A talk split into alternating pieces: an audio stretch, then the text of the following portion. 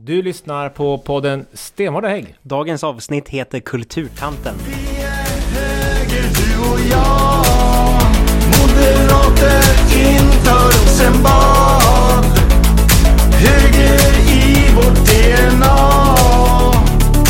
För att Sverige ska må bra Välkomna till eh, vårt, eh, Alexander, är det kulturspecial avsnitt? Det är kulturedition på avsnittet, det är februariavsnittet 2023 och vi har med oss vår alldeles egna kulturtant. Nej, så ska jag inte säga. Men Kultur och kompetensnämndens ordförande med oss. Absolut, välkommen Frida! Tack! Hur känns det? Är du Eh, nervös? Inför det här? Ja, det vet jag inte, det var bara en eh, öppen fråga. Ja, eh, ja, både ja och nej. Man vet ju aldrig vad som kan hända med er två. Så det, det blir spännande, men det blir nog bra. Ja. Det blir kul. Nej men vi har tänkt grann att eh, du är ju ny, nyvalt regionråd från första januari. Så att du har varit, hur många dagar blir på jobbet nu Alexander? Gud vilka jobbiga frågor du ställer. Ja men typ 50. Ish. Ja, typ så. 50 dagar på jobbet. Eh, är det lika kul fortfarande? Som första dagen? Eh, ja, men det har gått lite upp och ner och det beror väl också på vilket fokus eh, det har varit på olika frågor. Det har ju varit ganska turbulent och som med alla nya roller som man går in i så är det ju eh, spännande och sen så är det lite läskigt och så får man lite växtverk och så får man lite det, det är lite svårt att hitta sin roll i någonting som är nytt. Men, och det är väldigt mycket nytt som man ska lära sig. Men, det men ja, det är lika roligt nu som för första Jag förutsatte att det var kul första dagen så det var därför jag tänkte. Ja. Ja. Ja. Ja, men vi tänkte vi skulle, det har ju varit en del diskussioner i, i, i det off- offentliga kring eh, kulturpolitik, regionens kulturpolitik och vad som händer. En del utspel som man kan ha synpunkter på, funderingar kring. Men vi tänkte vi vi skulle ge ett, det här ett köra på och se vad, vad, vad tycker egentligen våran kulturtant i, vår ordförande, förlåt, vår ordförande i nämnden kring frågor och så. Så det är väl lite grann ingången vi har idag. Ja, Ska vi köra igång då? det tycker jag. Ja. Är du en kulturell människa? Eh, ja, men det tycker jag väl ändå att jag är. Eh, det, var, ju- det var ju en väldigt bred fråga. Ja. Jag skulle vilja påstå att alla eh, är väl eh, t- tar till sig kultur på olika sätt. Sen så hur medveten man är av att man påverkas av kultur eller inte, det är väl olika. Men eh, jag tillåter mig själv att både påverkas av kultur eh, att medvetet och, och såklart omedvetet. Vi har ju kultur runt om oss hela ti- tiden. Vad är kultur då? Det är ju en jättebra fråga. det är nog en fråga som jag inte riktigt kan svara på för det är så väldigt många olika saker och där lär ju jag mig nytt hela tiden. Men det är ju allt ifrån i, I min värld och utifrån det perspektiv som jag har så är det ju allt ifrån eh, musik till, till eh, konst till eh, att skriva böcker eller ehm, det finns ju hur mycket som helst. Det, så jag kan inte, det går inte att säga vad konst, för jag kan inte säga idag vad konst är. Vad är kultur för dig Alexander? Vad kultur är. Ja, för det där är ganska spännande, för man tänker kanske inte själv på hur mycket kultur man egentligen konsumerar. För när jag, tänk, när jag hör ordet kultur, då tänker jag liksom Kulturnyheterna på SVT, det är teater, museer, konstutställningar så. Men man tänker liksom inte på att när du lägger dig i soffan hemma och drar igång en Netflix-serie så konsumerar du ju faktiskt kultur. När du sitter och lyssnar eh, på Spotify på tåget på väg till Den här podden Gävle, är kultur så- också då? Då är det här också kultur Ja. Ja, absolut. Men alltså, så... När jag hör ordet så tänker jag att det är någonting väldigt nischat, men när jag tänker efter ett varv till så är det ju väldigt mycket och något som jag själv konsumerar på daglig basis. Det har ju varit ganska mycket eh, i media sista tiden kring just kulturella frågor. Eh, det har slagit mig att det, att det blir så väldigt stort på något sätt. Uppblåst och så. Eh, hur kommer det sig att det finns så stort intresse inom vissa kretsar ska vi säga. Det är inte kanske det alla i länet går och pratar om, men- det, är stort i vissa kretsar. Hur kommer det sig? Men det tror jag är just också det som vi var inne på, att det är så otroligt brett och det är också väldigt lätt för människor, eh, för väldigt många människor att ha en åsikt om kultur, för man har en relation till kultur. Eh, Vi brukar skämtsamt säga att, att det, det, det är som snöröjning, alla har, har en relation, man vet hur det borde fungera, man vet hur det borde vara. man har en åsikt om det. Eh, Men samtidigt så är ju kultur också eh, lite komplicerat just det här också. Vad är det för kultur som vi, som vi vill främja i samhället? Och, och hur styr, vi, det går ju faktiskt att styra samhället också med kultur. Så att jag tror att det därför också blir väldigt hett när någon kommer och säger någonting som, som bryter mot en norm som vi tidigare har levt efter, då blir, då blir vi också osäkra på, eller, eller bergsäkra på att det som den personen säger är fel. Men är kultur politik, politisk? Jag får ofta höra att jag som politiker ska inte ha några synpunkter. Så, men är, är kulturpolitik? Är någonting annat? Det kan absolut vara politik. Det beror ju på vilken typ av kultur som, som, eh, som man tillåter eh, och vilken konst man tillåter ska till exempel vara i offentliga rum. Eh, så är det klart att det blir politik kring det. Vi har ju pratat om kultur, eller kulvertkonsten. Mm. Den har ju varit i ropet tidigare. Mm. Tänker du kring den? Ja, eh, jag, har, jag har tyvärr inte sett den live eh, än. Eh, jag tänkte att, men jag tänker att jag ska passa på och eh, göra det nu, för nu ska den ju snart målas över. Och det är ju inte för att politiken har varit in och petat i just det, utan det är ju för att det är så kallad tillfällig konst. Eh, så det var ju bestämt från början att den bara skulle vara tillfällig också. Så, så att det, men ehm, jättesvårt eh, att hålla armlängds avstånd och, och ha synpunkter kring det. Jag personligen så kan jag tycka att det är av det som jag har sett Eh, och fått förklarat för mig att det inte kanske var passande av den anledningen med den målgruppen som skulle passera där.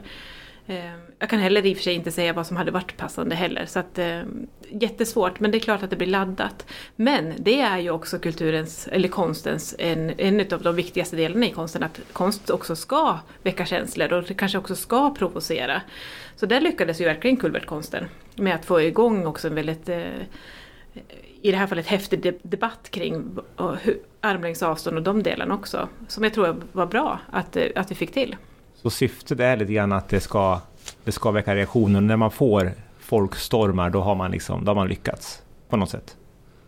För en kultur, ett, en konstyttring som ingen märker kanske inte fyller sitt syfte på något sätt.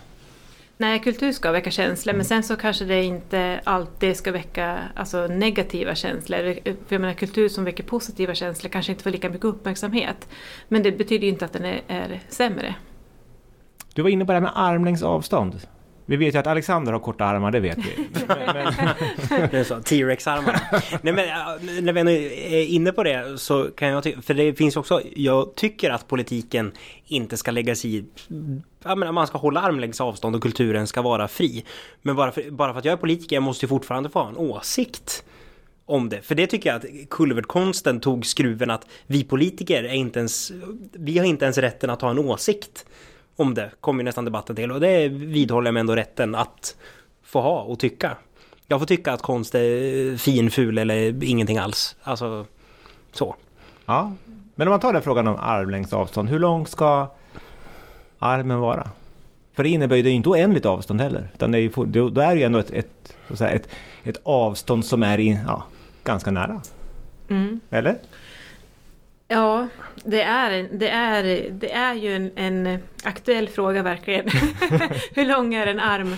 Hur långt är ett snöre? Ehm, och jag kan tänka mig att ehm, det kanske inte heller är armens längd som vi ska fokusera på utan det är väl kanske också hur, hur armen ser ut. Ja. Lite så. Och den, det är klart att den ser annorlunda ut nu när vi har bytt styre.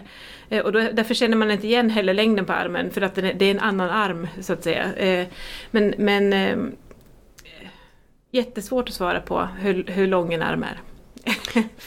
För det sa jag också när själva kulvertkonstdebatten var igång att jag personligen tycker inte att det är så konstigt att fastighetsägaren har synpunkter på vilken konst det är i ens lokaler. Och när man då beställer att här vill vi ha tillfällig performancekonst så är det ändå någon form av krav som ändå har ställts på vilken typ av konst det är man vill ha någonstans. Eh, så, så ett krav och en bestämmelse har ju ändå gjorts någonstans från det offentliga gentemot den kulturövaren som skulle liksom utföra sin performancekonst där. Ja, och jag vet du beskrev också Alexander, du vill ju inte bjuda hem en konstnär och säga gör vad du vill i mitt vardagsrum. Nej, välkommen hem till mig. Måla på väggen i vardagsrummet. Lite fegt tycker jag. Ja. Kanske skulle prova det?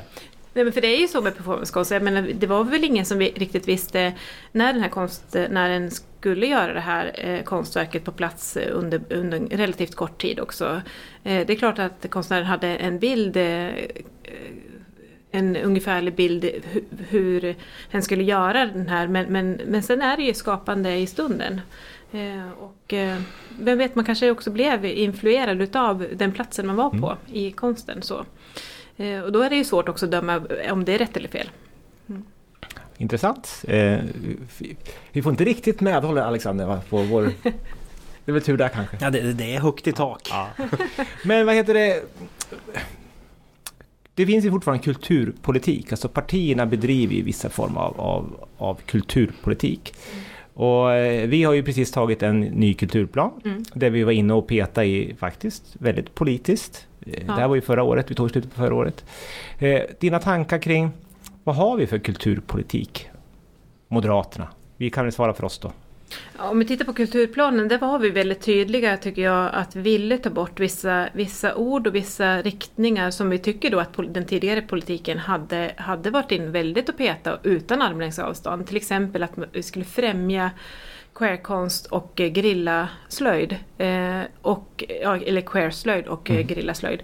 Eh, samt eh, också... Och nu är det inget fel på den kan jag Nej, säga. det precis. Jag tänkte komma till det. Och det är samma med det här att vi, vi också ville få bort att det, sku, att det skulle vara ett, ett skallkrav att eh, det skulle vara miljömässigt hållbart. Så.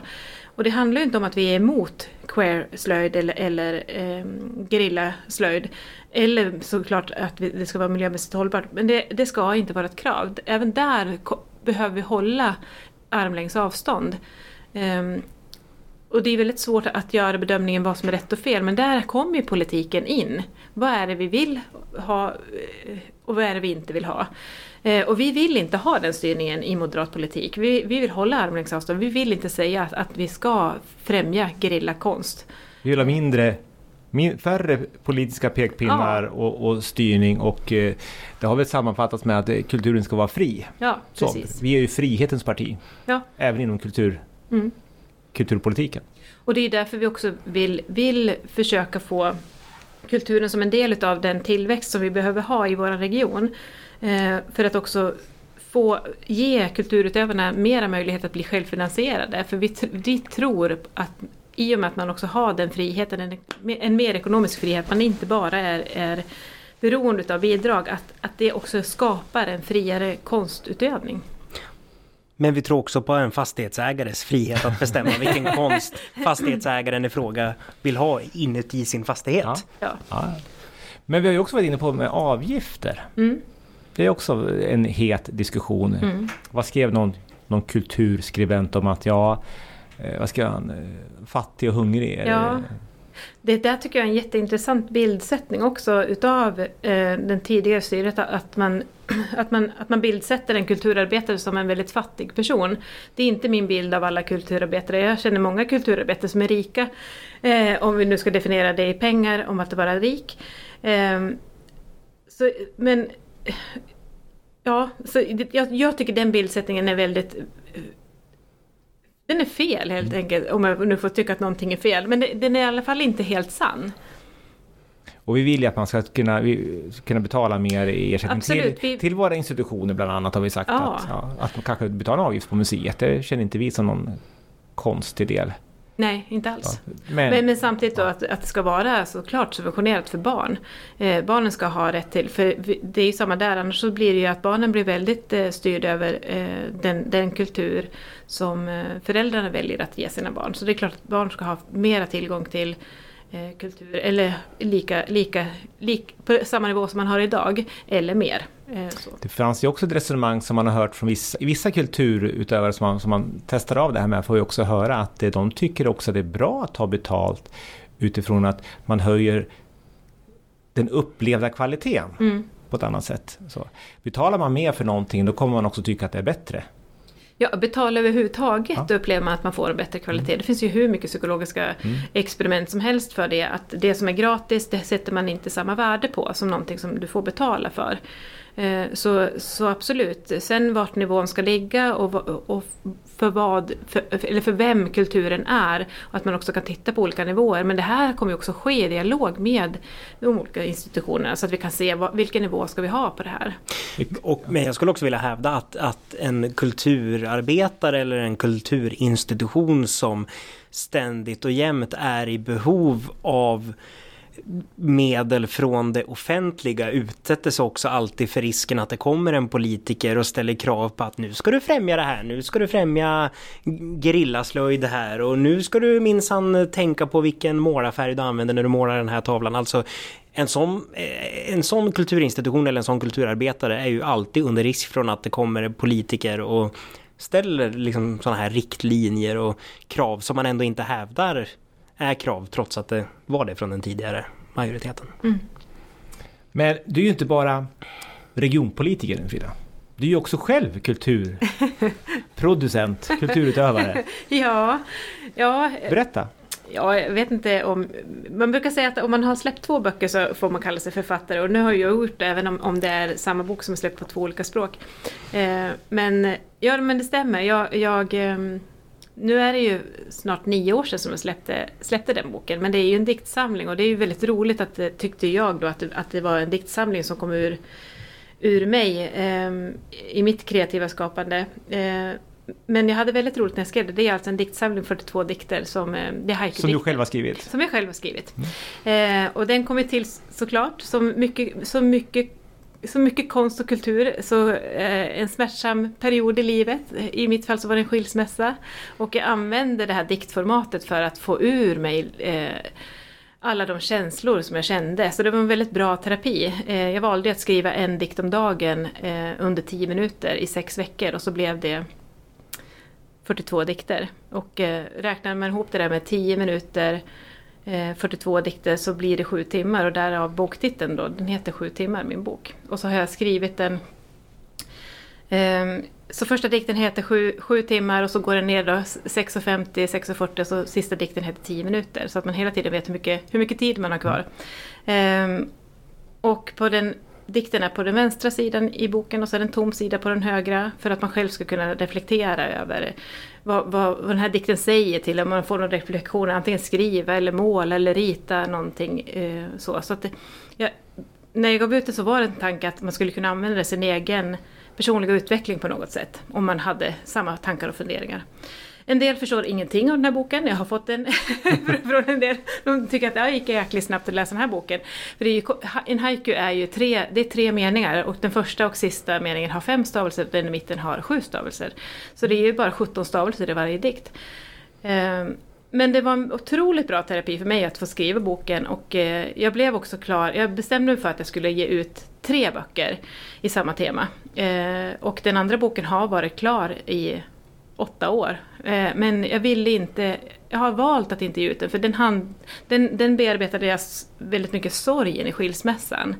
Och den låg så himla nära så länge, liksom den här sorgen. Så att jag ville inte, jag ville inte ge ut den för jag hade ingen lust att prata om den sorgen. Men nu, nu har det ju gått tio år sedan jag skilde mig. kanske Så, det är att- så att nu är, ja precis, kanske dags nu. kanske får gå på eh, eh, bokrelease snart Ja. Alexander. Är det det- releaseparty. precis, jag- Och vi betalar inträde. Ja, Ja, det gjorde jag inte då. Då gjorde jag faktiskt så att jag, jag, jag tänkte så när jag skulle ge ut boken att första boken, den ger man bara ut en gång. Det, det, det är liksom... Sen är det ju andra boken. Så att då, då hyrde jag faktiskt en, en restaurang i Söderhamn, där jag bor. Eh, och sa att jag vill ha bubbel och snittar för 50 personer. Jag vill ha mitt re- releaseparty här. Eh, och eh, jag betalade allting själv, jag betalade även utgivningen själv. Eh, allting eh, betalade jag själv. Eh, jag bestämde mig, det ska jag också säga, jag bestämde mig från början när jag gjorde, bestämde mig för att jag skulle ge ut den här boken så, så satte jag en summa pengar och, sa att, och tänkte för mig själv, nu ska jag gå kursen i hur man ger ut en bok. Och så tänkte jag, hur mycket, hur mycket pengar är jag be, liksom, beredd att investera i den, i den utbildningen då, som jag själv skulle ge mig. Så då satte jag av den som var pengar och eh, så höll jag mig inom den budgetramen. Ehm, och eh, som sagt, när, när det var dags för bokreleasen så stod jag och höll tummarna. Jag hade fått en del företag också att gå in och sponsra med eh, goodiebags. Så att de, först, de här 50 första personerna skulle också få en goodiebag och där var det lite gåvor från olika företag. så det är alltså sponsring som intäkter. Eh. Nej, jag hade sponsring i goodiebagsen. Ja, jo, ja. Ja. ja. Men du fick i alla fall ingenting eh, av det offentliga. Nej, nej, nej. Och det hade jag inte. Och du kände dig fri ändå? ja, det gjorde jag. Ja. Och, och, och inte fattig. Nej. Men jag hade faktiskt inte en tanke på att jag skulle eh, gå till det offentliga och be om, om hjälp i det här, eller alltså ekonomiskt stöd. Det, det fanns inte i min värld då. Och det är väl så också att de, de flesta kulturutövarna får ju heller inget offentligt stöd utan det är ju rent ja, kommersiellt eller ideellt på något sätt. Så. Ja.